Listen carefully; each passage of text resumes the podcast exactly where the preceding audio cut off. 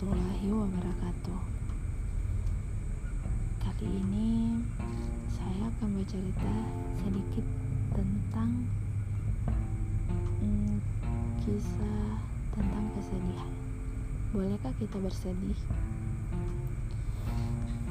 Saya mengakui rasa sedih itu ada, tapi kalau untuk memberi panggung rasa sedih menunjukkannya, meratapinya larut berlama-lama, saya termasuk yang menolak dengan keras. Kenapa? Karena orang sedih itu nggak takut sama Allah. Apa hubungannya? Iya, orang sedih itu nggak takut sama Allah sebagai orang kufur nikmat. Kok bisa sedih? Sementara Allah sudah memberi banyak hanya karena satu dua hal diambil hanya karena satu dua hal tidak sesuai dengan keinginan. Lalu berani-beraninya dia bersedih. Dan itu memang cara setan menggoda manusia. Sesungguhnya pembicaraan bisik-bisik itu hanyalah dorongan dari setan supaya menjadikan hati orang-orang beriman sedih. Padahal pembicaraan rasa rahasia itu menggunjing tidak akan merugikan orang-orang yang beriman sedikit pun. Kecuali dengan kehendak Allah.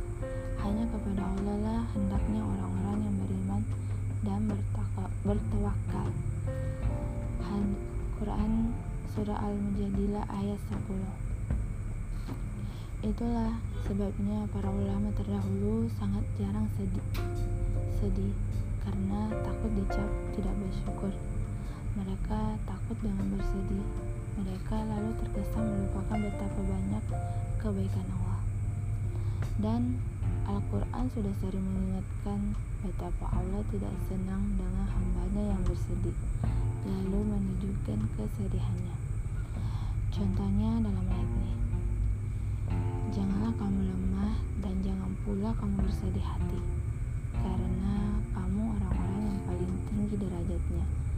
Jika kamu orang yang beriman.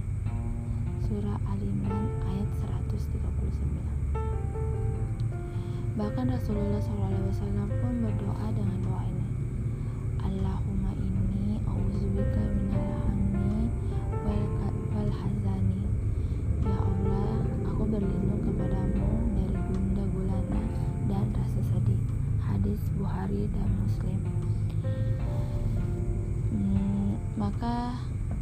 catat ya kalimat ini baik-baik. Aku tidak bersedih meski aku kehilangan sesuatu.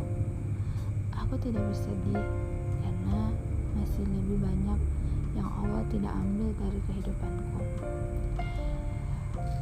Kalau cara pandang kita sendiri kalimat di atas, maka kita akan jauh lebih sabar bahwa antara yang Allah sisakan untuk kita masih lebih banyak yang Allah sisakan.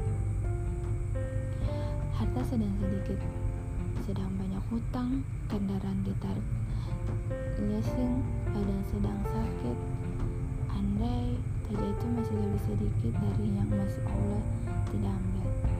Mata, hidung, tangan, kaki, keluarga dan anak, suami istri, orang tua, teman, pekerjaan, nama baik, nafas, hidup, umur, dan masih banyak lagi yang Allah tidak ambil.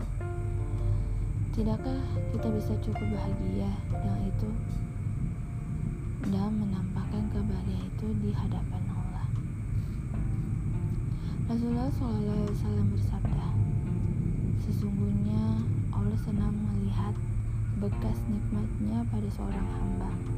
Hadis Tirmizi dan dan An-Nasai. Dan Allah memang ingin kita berbahagia sebab Allah hadiahkan untuk kita Al-Quran.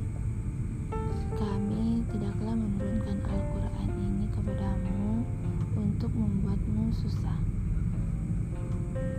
Surah Taha ayat 2 Artinya diturunkan untuk membuatmu bahagia Lihat, bahkan Al-Quran pun diturunkan untuk tujuan tidak membuat kita susah betapa ingin Allah kita ini hidup bahagia. Namun, nah makanya yuk jangan lupa bahagia. Sekian dari saya. Assalamualaikum warahmatullahi wabarakatuh.